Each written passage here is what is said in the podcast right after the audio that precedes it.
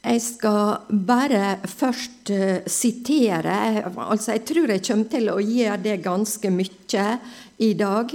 Sitere noen ord, og at vi kanskje ikke trenger å slå dem opp, men hvis dere vil, så gjør dere jo det likevel.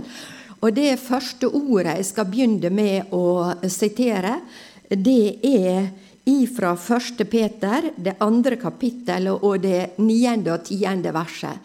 Og det dreier seg om uh, å bli tatt ut av uh, mørket og satt inn i Guds underfulle lys. Og det er det som jeg ønsker skal være fokuset for det jeg vil si i dag. Dette med på den ene side mørket i verden, og det å bli ført inn i Guds underfulle lys. Og der står det da Men dere er en utvalgt slekt, et kongelig presteskap, et hellig folk, et eiendomsfolk, så dere skal forkynne Hans underfulle storverk, Han som kalte dere ut av mørket og inn i sitt underfulle lys. Dere som ikke før var et folk, men som nå er Guds folk. Dere som ikke hadde funnet barmhjertighet, men som nå har fått barmhjertighet. Altså, vi var slik som mennesker i verden, fortapt, eh, forkomne, men så førte, blei vi ført ut av det mørket vi levde inn i, og inn i Guds underfulle lyse. Um, jeg tenker at vi skal se litt også på eh, dette med mørket slik det fortoner seg eh, rundt oss i dag. I den situasjonen vi er i på alle mulige områder, kulturelt, åndelig, politisk osv. Hva vi møter i hverdagen vår, hva slags mørke det egentlig dreier seg om. Og i det siste korsets seier, der sto det faktisk et stykke under tittelen eh, 'Dagen kommer'. Og det var ei jeg kjenner ikke, men Reidun Songe som hadde skrevet den. Og der hun da presiserer at vi venter ikke på Antikrist og på dyrets merke, men vi venter på Jesus.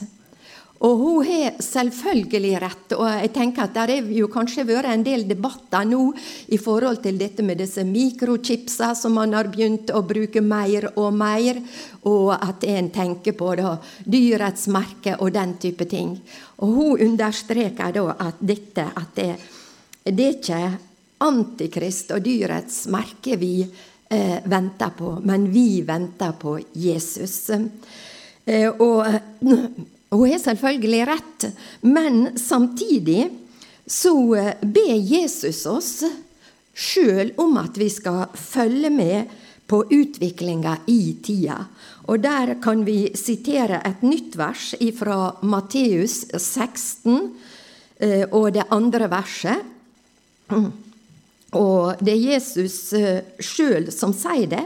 Og det er som om han refser fariseerne og de skriftlærde fordi de ikke fyller med på tegna i tida. Eh, og han sier da eh, Når det er kveld, sier dere, det blir pent vær, for himmelen er rød. Og om morgenen, det blir dårlig vær i dag, for himmelen er rød og truende. Hyklere! Dere vet hvordan dere skal tyde himmelens utseende, men tidens tegn kan dere ikke tyde. Så Jesus irettesetter dem fordi de ikke tyder tegna i tida. Og da tenker jeg at det, ja, han vil at vi skal følge med på hvordan utviklinga vår, utviklinga er rundt oss, at vi skal kjenne tidene, at vi skal vite hvor langt lir det nå. Og så er det jo veldig mange som har eh, hatt litt fokus på, eller snakka om og tenkt på at det, eh, vi går imot denne tidshusholdningas avslutning, og én ting er iallfall sikker, at for hver dag som går, så kommer vi nærmere det at Jesus skal komme og hente oss, og at det går imot eh, tidshusholdninga sin avslutning. Og I den forbindelse så tenkte jeg at jeg skal lese litt ifra Daniel 7. Og så tenker kanskje dere som er godt bevandra inn i Guds ord og kjenner Skriftene, eh, at det, ja, dette er alvorlige saker, og det er kanskje litt uh, tungt forståelig stoff også uh, for, uh, for, enkelte. Men jeg skal ikke min, tale i dag skal ikke primært være om um, ja, dette med endetida i den forstand.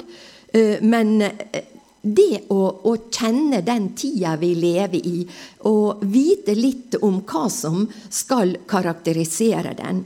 Og Jeg skal ikke lese så veldig mye fra Daniel 7, eh, men hoppe litt og si bitte liten grann om det.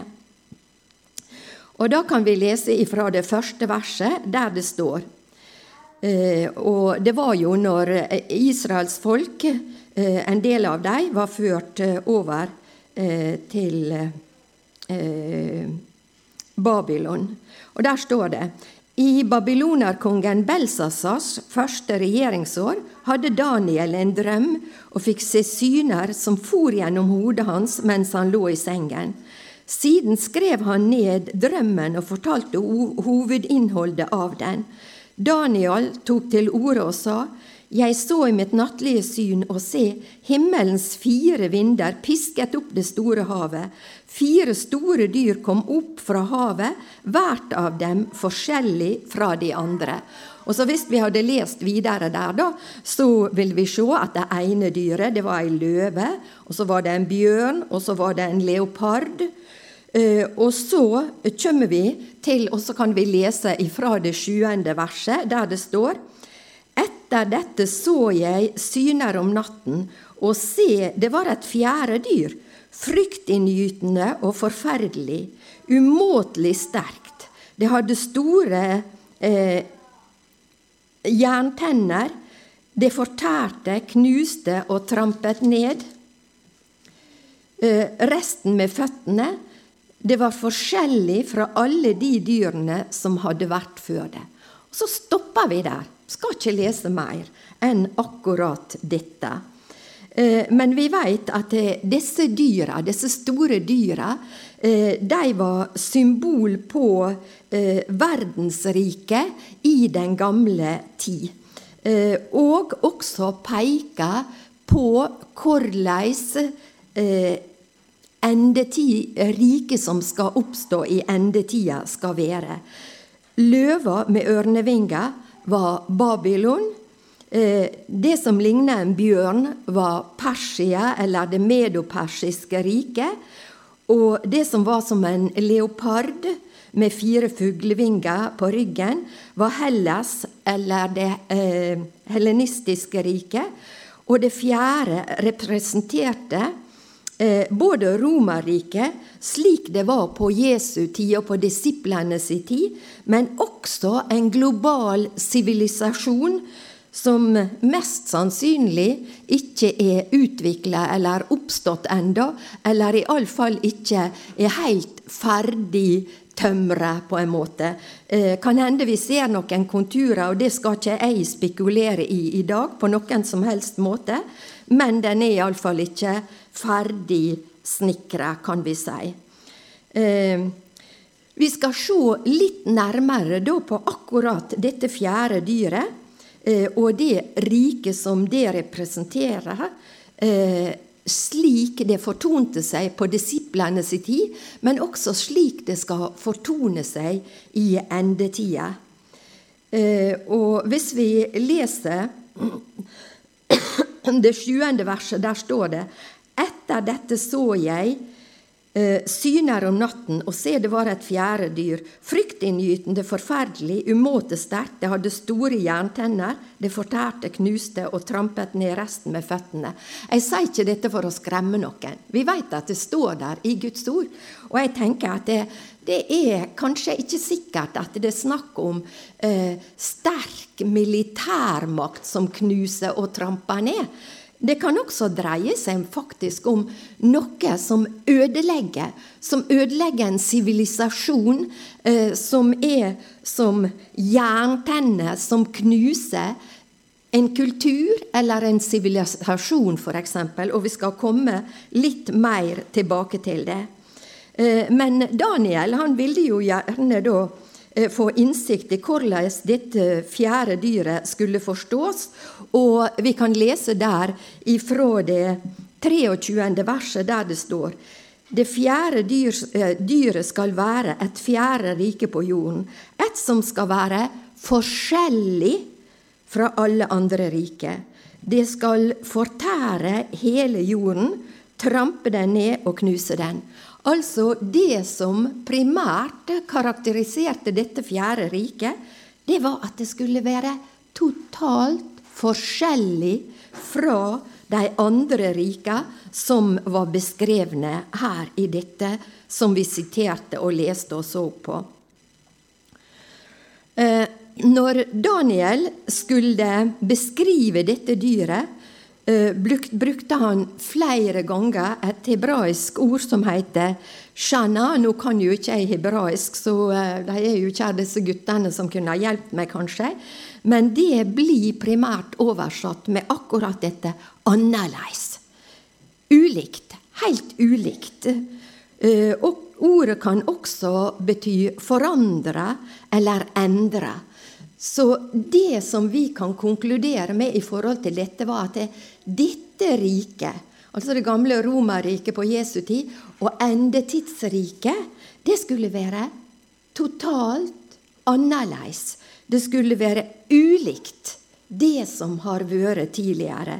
Det skulle være forandra, endra, på mange forskjellige måter. De tre andre rikene som var beskrevne her, var beskrevne med bilder fra naturen. Altså det dreide seg om dyr. Det dreide seg om noe som Gud hadde skapt. De metaforene, de symbolene som blir brukt her. Altså, det dreide seg om noe som Gud hadde skapt, noe som var naturlig, som tilhørte naturen på en måte. Men det fjerde dyret, det var ikke noe som var skapt av Gud, eller som var naturlig. Tennene og klørne til dette dyret, det var av jern og bronse. Det var annerledes. Det var hardt.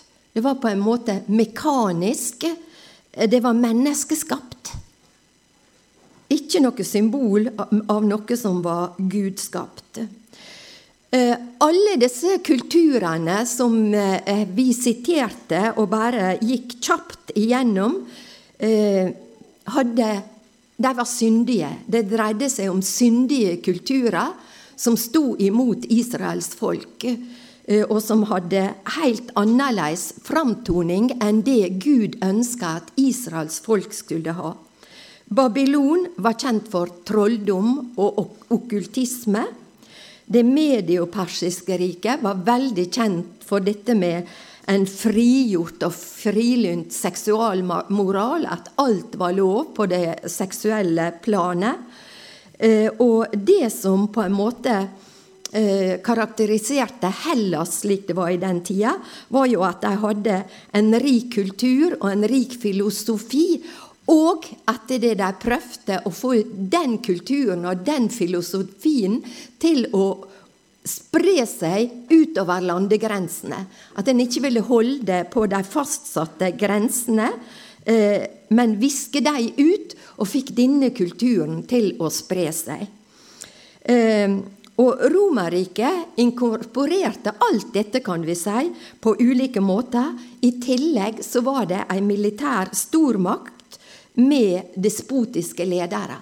Og vi kjenner jo til ikke minst eh, eh ja, keiseren Nero, f.eks., som eh, beskyldte de kristne for å ha satt, på, uh, satt fyr på Roma, enda at det er veldig mange som mente at det var han sjøl som gjorde det, og ville at den skulle brenne, sånn at han kunne få lage bredere gate, en flottere by, og knytte navnet sitt til. Sånn at det, det ble sagt at det, når de nesten nådde over denne ilden på en måte, så var det noen som nærmest fyrte opp hundet og nørte opp igjen på den, og den blussa opp igjen, osv. Da trengte han eh, syndebukker og valgte de kristne til det. Og vi kjenner jo til hvordan de lei eh, under eh, dette herredømmet da. Eh, men det jeg syns dette fjerde dyret åpenbarer for oss, og er det jeg ønsker å ha fokus på i dag. Jeg skal ikke si noe mer om det enn akkurat dette. Eh, det er det at eh, den sivilisasjonen som framfører den type regime, eh, og som da skal være enda klarere og enda tydeligere i endetida, altså det er eh, en kultur, en sivilisasjon, som har fokus på det unaturlige. På rett og slett det som ikke er naturlig, det som ikke er skapt av Gud og er slik som Gud ønsker at vi skal framstå. Men det er en sivilisasjon som rett og slett idyllisere eller løfte opp, glorifisere det perverse. Det som er unaturlig, det som er gjenstridig i forhold til Guds lover. Uh, altså, Vi tenk, kan tenke på pride-demonstrasjoner og abortsaker og alt mulig. Altså, Det som ikke er naturlig, men det som er perverst, det løfter sivilisasjonen i det gamle Roma mer eller mindre fram, og vi ser det enda tydeligere i dag gjennom lovene våre. Altså to damer eller to menn skal kunne, abort, nei, skal kunne adoptere og fostre barn. Altså dette med det naturlige, mor, far, barn. Pst, det er gammeldags, det er ikke noe å, å tenke på. Dette blir poda inn i barna våre helt ifra barnehagen, barnehagen f.eks. Eh, sånn at det er så veldig mye i kulturen som egentlig er perverst, og som gjør at det Ja, vi skal, vi skal, ikke være redde, vi skal ikke skremme hverandre, det er ikke det vi skal. Men vi skal kjenne igjen. Vi skal kjenne igjen og vi skal eh, Ja, Jesus ba eh, læresveinene sjøl om at det, de skulle kunne tyde tegna i tida og vite hvor langt det egentlig lir på dag eller mot natt. I et slikt mørke som vi kan si at det er eh, kulturen i dag på mange måter representerer og på mange måter skremmer oss, så trenger vi lys. Vi trenger lys. Og hvis vi siterer Salme 119, 5, eh, der står det eh, Ditt ord er en lykt for min fot og en lys på min sti. Altså ditt ord, Guds ord, er en lykt for min fot og et lys på min sti. Og vi trenger, for å ikke gå feil av veien, så trenger vi at Guds ord er ei lykt for oss, og at det lyser opp stien vi skal vandre på. Eh, Gud er sjøl lysets far. Det første Gud skapte, var lyset. Eh, og lys er noe som er helt nødvendig for alt liv. For oss som mennesker, for dyrelivet, for planter osv. Vi ser at når våren kommer med mer lys, når sola begynner å skinne, da gror det fram, da spirer det. Altså Lys er en forutsetning for liv. Eh, samtidig så er lys også et bilde på Guds kjærlighet og på Guds herlighet. Og vi skal eh, lese sammen også et annet, lys, nei, et annet ord om lyset, og, som vi har i Salme 36, det åttende til det tiende verset. Altså Salme 36, det åttende til det tiende verset. Eh, og det er jo spesielt den siste setninga som handler om lys, da, men vi, vi leser disse to versene. Hvor dyrebar din miskunnhet er, Gud. Derfor har menneskets barn tatt sin tilflukt i dine vingers skygge. De mettes rikeslig av overfloden i ditt hus, og du gir dem å drikke fra strømmen av dine herligheter. For hos deg er livets kilde, i ditt lys ser vi lys. I Guds lys ser vi lys, og Han er livets kilde gjennom det å lyse opp, og gjennom sin kjærlighet og gjennom eh, sin herlighet. Og Vi skal se litt på akkurat dette med, med lys, og hvordan lyset kan lyse opp mørket, og hvordan eh, dette med lys er beskrevet i Guds ord. Det er jo veldig, veldig mange eh, bibelvers som går på akkurat dette med lys, og vi må bare velge ut noen få av dem, men vi skal ta med oss noe av det. Og Da kan vi se først at Jesus, han er lys. Jesus han er i seg sjøl lys, og Johannes han vitner om eh, Jesus, og vi trenger ikke å slå det opp, men han kalte Jesus det sanne lyset. Og hvis vi leser det første kapitlet i Johannes evangeliet, så står det veldig mye om akkurat det. Men Johannes da, han kalte Jesus for det sanne lyset. Og Jesus sjøl, han sa om seg sjøl eh, at han var verdens lys. Og hvis vi der eh, fremdeles mm, er i Johannes og ser på det åttende kapittelet og det tolvte verset, eh, der står det Da talte Jesus på nytt til dem og sa:" Jeg er verdens lys.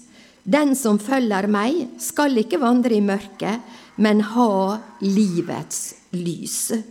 Altså, hvis vi vandrer nær Jesus, han som er lyset, hvis vi følger hånda, så skal ikke vi vandre i mørket. Da skal vi ha lys over stien vår. Da skal vi ha lys. Eh, Living Bible eh, sa 'Kommer dere ikke til å snuble gjennom mørket, for levende lys skal flomme utover stien deres'. Altså, levende lys skal flomme utover stien vår, sto det der. Eh, Jesus er kommet som et lys til verden. Eh, og han sier da at det er også andre plasser at den som tror på Håna, ikke skal bli i mørket. Og at han, eh, hans oppgave, det er å klargjøre og kaste lys over vår tilværelse og over Skriftene gjennom Den hellige ånd. Eh, og at det er ved hjelp av Den hellige ånd, og det lyset Den hellige ånd er med på å bringe over Guds ord, det lyser opp. Sjøl det som vi kan eh, karakterisere kanskje som litt dynkle mysterier, nærmest, i Skriftene angående både frelsesverket og livet i Gud, og de spørsmål som vi kanskje, ikke minst i vanskelige tider, opplever å bli konfrontert med og skal ta stilling til. Eh, og ordet er også lys. Guds ord blir betrakta som eh, lys. Og der kan vi lese videre i 2. Peter 1,19, altså 2. Peters brev, det første kapittelet og det 19. verset.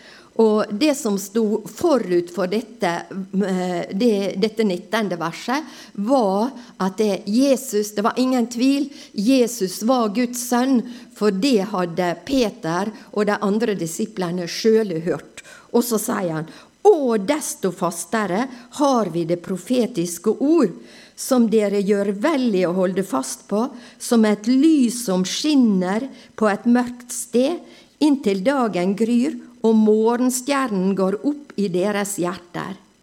Altså det profetiske lyset, det profetiske ordet, skal lyse for oss, slik at vi ikke skal ta feil av veien med tanke på f.eks. åndelige spørsmål som vi kanskje syns er vanskelige. Og det er Den hellige ånd som skal kaste lys over dette. Det er Den hellige ånd som opplyser oss om at i Jesu blod er vi rene og rettferdige, himmelen verdige. Det er ingen som kan ta det fra oss, samme hva mennesker rundt oss skulle finne på å si. Eh, og ordet eh, det minner oss også på alle løftene om at det er det forfølgelse, er det motgang, er det kritikk? Eh, blir vi håna fordi vi holder på de gamle sannhetene i Guds ord? Så gjelder løftet. Løftet om at Han er med, løftet om at Han vil styrke oss gjennom Den hellige ånd, de er der hele veien. Vi skal også gå til Filipperbrevet, det andre kapittelet, og det 14. til og med det 16. verset, og se hva som står der. Filipperne 2, 14-16. Gjør alle ting uten klage og innvendinger, slik at dere kan være ulastelige og rene, Guds uklanderlige barn midt i en vrang og fordervet slekt. Blant dem skinner dere som strålende lys i verden, på den måten at dere holder fram livets ord.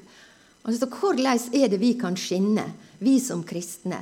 Jo, det er ved at vi holder fram livets ord. At vi holder fram Guds ord. Eh, og jeg tenker at det er mange ganger, hvis vi kommer inn i debatter eller noen som kritiserer oss, og det har vi jo vært inn på mange ganger, at det, det er mange som mener at det, Gud kan ikke ha sagt, og han kan ikke ha meint, i hvert fall ikke i 2019, dette er foreldre, dette er avleggs, dette er gammeldags. Altså I stedet for å komme med våre argument, så er det viktig at vi holder fram Guds ord. Det er ikke vi som mener, men Guds ord sier. Guds ord sier det, Guds ord sier det, og stå fast på Guds ord. Det er det som teller, og det er på den måten at vi som kristne kan lyse i denne tida. Ungdommer på skolen, til og med barn i barnehagen, ved å sitere Guds ord. Og jeg syns det er så flott nå i Philadelphia skal de ha påskevandring, og det må påmeldt 500 barn fra ulike barnehager rundt omkring. At barn også kan få del i Guds ord, bli kjent med Guds ord. Og dere har barnearbeid. Jeg sier å, vi må nebe Guds velsignelse over barnearbeidet og ungdomsarbeidet. Det er så viktig at de får en ballast gjennom det å bli kjent med ordet og kunne ordet. At ordet kan lyse, og at de kan bruke ordet i stedet for sine egne argument. For det kan eh, Det er ofte vanskelig. Men Guds ord eh, Da blir på en måte veldig ofte folk svar skyldig og nærmest målløse. Det er noe med ånda i Guds ord. Eh, så videre, Vi har snakka om at Jesu var lys, og at ordet var lys. Men vi skal også være lys, som vi nå er begynt å se på. Vi skal lese noen flere ord angående det at vi skal være verdens lys i denne tida. Og Da skal vi gå til Matteus, det femte kapittelet og det fjortende verset. Matteus 5, 14. Og der står det:" Dere er verdens lys. En by som ligger på et fjell, kan ikke skjules. Man tenner heller ikke en lampe og setter den under et kar, men i en lampeholder. Da gir den lys til alle som er i huset. På samme måte skal dere la lyset deres skinne for menneskene, slik at de kan se de gode gjerningene deres og ære deres Far som er i himmelen. Vi skal være verdens lys, vi som er kristne. Og vi veit jo Vi blir her bedt om at vi skal holde fram lyset vårt. Vi skal ikke gjemme det. Vi skal ikke sette det under et kar eller under ei skjeppe eller eh, noe som skjuler det. Eh, og en kan si at det, Én mm, ting er at det er ikke synlig, men på samme tid, hvis en setter et lys under et kar, så risikerer det å slukne. Det er i faresonen. Det risikerer å slukne pga. mangel på oksygen. Det får for lite oksygen. Sånn at det, eh, det eh, Og slik er det med kristenlivet også, egentlig. At prøver en å skjule det, så er det åndelig sett farlig. Altså, vi trenger å heise rent flagg. Vi trenger å proklamere eh, gjennom livet våre hva vi tror på, fordi det er med å styrke troeslivet vårt og styrke kristenlivet vårt. Vi opplever velsignelse ved det å vitne, enten det er med ordene våre enn med gjerningene våre, eh, så trenger vi å gjøre det for gjennom det sjøle å bli styrkte. Eh, vi skal se på enda et ord som eh, omhandler dette at vi skal være lys. Og det finner vi i Efeserbrevet, det femte kapittelet mm, og det åttende verset.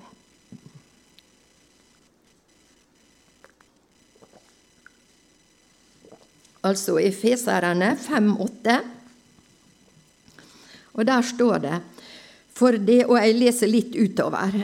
For dere var en gang mørke, men nå er dere lys i Herren. Vandre som lysets barn, for Åndens frukt består i all godhet, rettferdighet og sannhet, i det dere prøver hva som er til behag for Herren og tar ikke del i mørkets ufruktbare gjerninger, men avslører dem heller. For selv bare å tale om det de gjør i det skjulte, er en skam. Men alt som blir avslørt av lyset, blir åpenbart. Alt det som blir åpenbart, er lys. Derfor sier han, Våkn opp, du som sover, stå opp fra de døde, og Kristus skal lyse for deg. Som kristne så skal vi være lysets barn, og eh, ved det så produserer vi frukt. Og de fruktene som er nevnt her, er godhet, rettferdighet og sannhet. Så er vi andre plasser der det står om åndens frukt, og der det begynner med kjærlighet og fred og glede, eh, som er noe av det samme. Det er Den hellige ånd i oss som produserer dette. Og i veldig stor utstrekning så dreier det seg også om kjærlighet.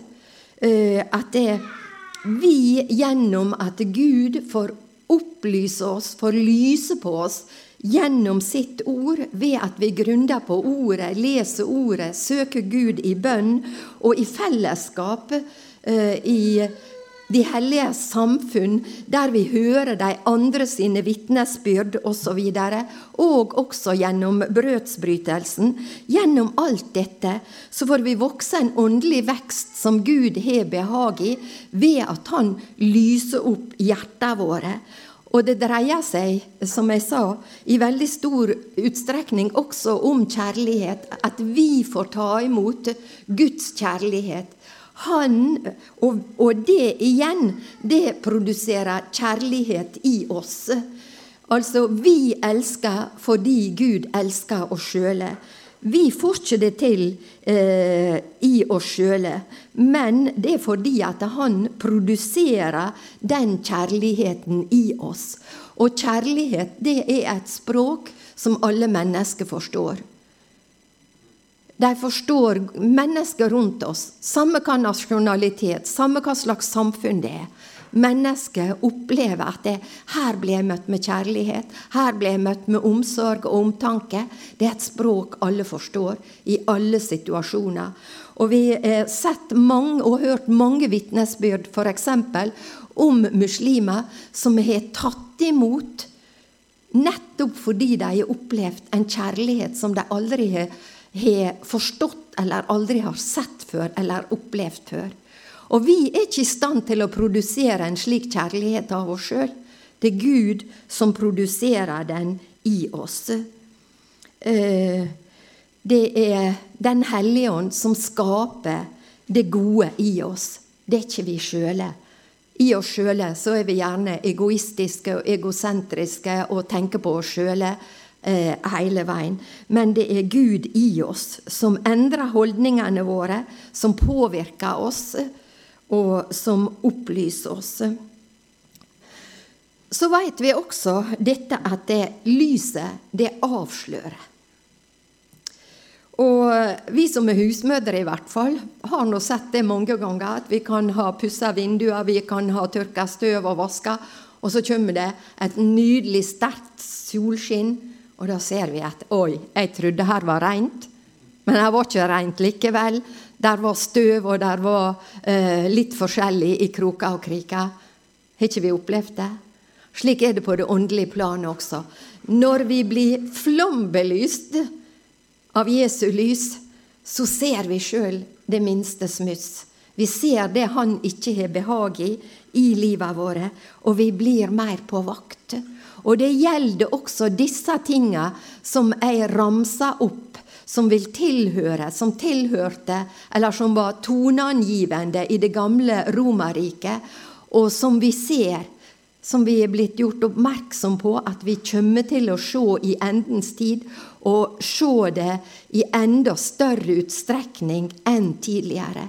Vi blir oppmerksom på det fordi at det, vi har så lett for kanskje å tenke eh, Ja, vi får ting nær inn på livet, kanskje i vår egen omgangskrets og kanskje i vår egen familie osv. Og det kan være så sårt og så vondt å ta avstand ifra en del ting som vi tross alt veit dette ønsker ikke Gud skal være en del av livet våre. Og Vi veit at det hører ikke hjemme. Og Hans ord kaster da, hvis han får lov å flombelyse hjertene våre, eh, det lyset kan hjelpe oss til å vandre rett når det gjelder disse vanskelige spørsmålene i tida, slik at det, eh, det som var mm, et kjennemerke på antikkens Romerrike, og som vil bli i enda større utstrekning kjennemerket på det endetidsriket som Antikrist skal stige fram, om, fram ifra. Eh, men som jeg sa, det er ikke Antikrist jeg ønsker å ha fokus på, men det er Jesus og hva han kan gjøre i oss og gjennom oss. Det er Den hellige ånd som kan opplyse oss, og som kan skape lys i oss og gjennom oss. Og som jeg sa, det er ikke, det er ikke vi sjøle som får det til. Men på samme måte, jeg syns det kan være et greit bilde å se på. På samme måte som månen reflekterer lyset ifra sola, slik skal vi reflektere lyset ifra Gud, ifra Jesus, ifra himmelen. Eh, månen har ikke noe lys i seg sjøl. Men se hvor lyst det kan bli når det er fullmåne og klarvær. Det kan virkelig lyse opp. På samme måte kan vi reflektere lyset. Vi kan ikke skape det. Det er ikke vi i stand til. Det får vi ikke til. Det blir mislykka. Men vi kan reflektere det. Ja. Men da må det få lov å skinne på oss. Og vi skal lese også enda et vers, og det finner vi i eh, Korinterbrevet, andre Korinterbrevet, det fjerde kapittel og det sjette verset. Og som sier litt av det samme. Jeg skal snart uh, avslutte, men jeg vil ha med disse versene der, og det kjente verset. Andre Korinterne fire, og begynner på det sjette verset. For Gud som bød at lys skulle skinne frem i mørket, han har også latt lyset skinne i våre hjerter, for at kunnskapen om Guds herlighet i Jesu Kristi åsyn skal lyse fram. Så står det i det skjønne verset. Men vi har denne skatten, altså kunnskapen om Guds herlighet, i leirkar, for at den rike kraften skal være av Gud og ikke av oss selv. Også der er det Jeg har sett litt på noen andre oversettelser, og der det står Ut av mørket skal lyset flamme. Veldig sterkt. Og han har flombelyst våre hjerter, står det i en oversettelse. Han har flombelyst våre hjerter. Og i enda en annen, et veldig fint utsagn, for at erkjennelsen av Guds herlighet gjenspeilt i Kristi åsyn må stå som en lysglans fra oss. Altså for at erkjennelsen av Guds herlighet gjenspeilt i Kristi åsyn, må stå som en lysglans fra oss. Jeg antar at det er der vi ønsker å være, alle sammen. Men vi må leve nær Jesus for at det skal bli en mulighet for det. Og så vi, kan vi ikke slå oss på brystet på noen som helst måte, for vi så her Det var understreka også Eh, Paulus sier at det, men vi har denne skatten i leirkar. Altså kroppene våre er som noe feilbarlige, eh, ja, veike eh, eh, kar som vi oppbevarer denne kunnskapen om Guds herlighet i. Og det er for at vi skal ikke ta ære sjøl, men det er Kristus som skal ha æra når vi lyser eh, på denne måten som vi leste her. At det, han har også, altså det er ikke vi, han har også latt lyset skinne i våre hjerter for at kunnskapen om Guds herlighet i Kristu Jesu åsyn skal lyse fram. Vi skal reflektere Guds lys. Eh, og det er Guds nåde at vi kan få være med og reflektere Guds lys i den verden vi lever i i dag. Og eh, når jeg eh, satt og forberedte meg angående dette, eh, bl.a. i går kveld, eh, så tenkte jeg på en sang, og jeg vet jeg har sitert den når jeg er talt her på Elim før og som Ung Fryd sang i gammel tid der. Eh, og den, den, er jo på engelsk, da. 'Shine your light'. Og at eh, der er innholdet i den at Jesus skal la sitt lys skinne på oss, i oss og gjennom oss. Og jeg, den bønna har jeg egentlig lyst til å bare avslutte med. At det, det skal være ei bønn i våre hjerter, alle sammen at han må la, ikke minst i denne tida, for den er vanskelig for mange. Og jeg tror det tilspisser seg, og jeg tror det blir mer vanskelig. Og jeg tror ikke vi skal rømme ifra sannhetene i Guds ord om den tida vi lever i. Jeg tror vi skal studere det, og, men samtidig så veit vi hvor vår hjelp kommer ifra. Og at Han skal la lyset sitt skinne på oss, i oss og gjennom oss. Og jeg tenkte på det i går når dette her skipet eh, sendte ut eh, nødsignal.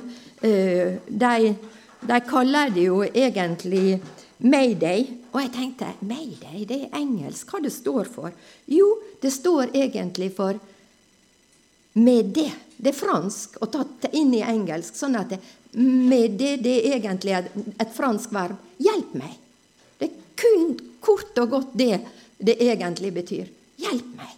De sender ut nødsignal. Hjelp meg! Og altså, når mennesker er i nød, så sender de ut nødsignal. Den enkelte person også. Og det er så viktig at vi da kan formidle lyset, sånn at de også kan komme ut ifra mørket og inn i lyset. Inn i det lyset som Jesus gir oss og som venter oss i det himmelske salet også. Vi var så vidt inn på det. Amen.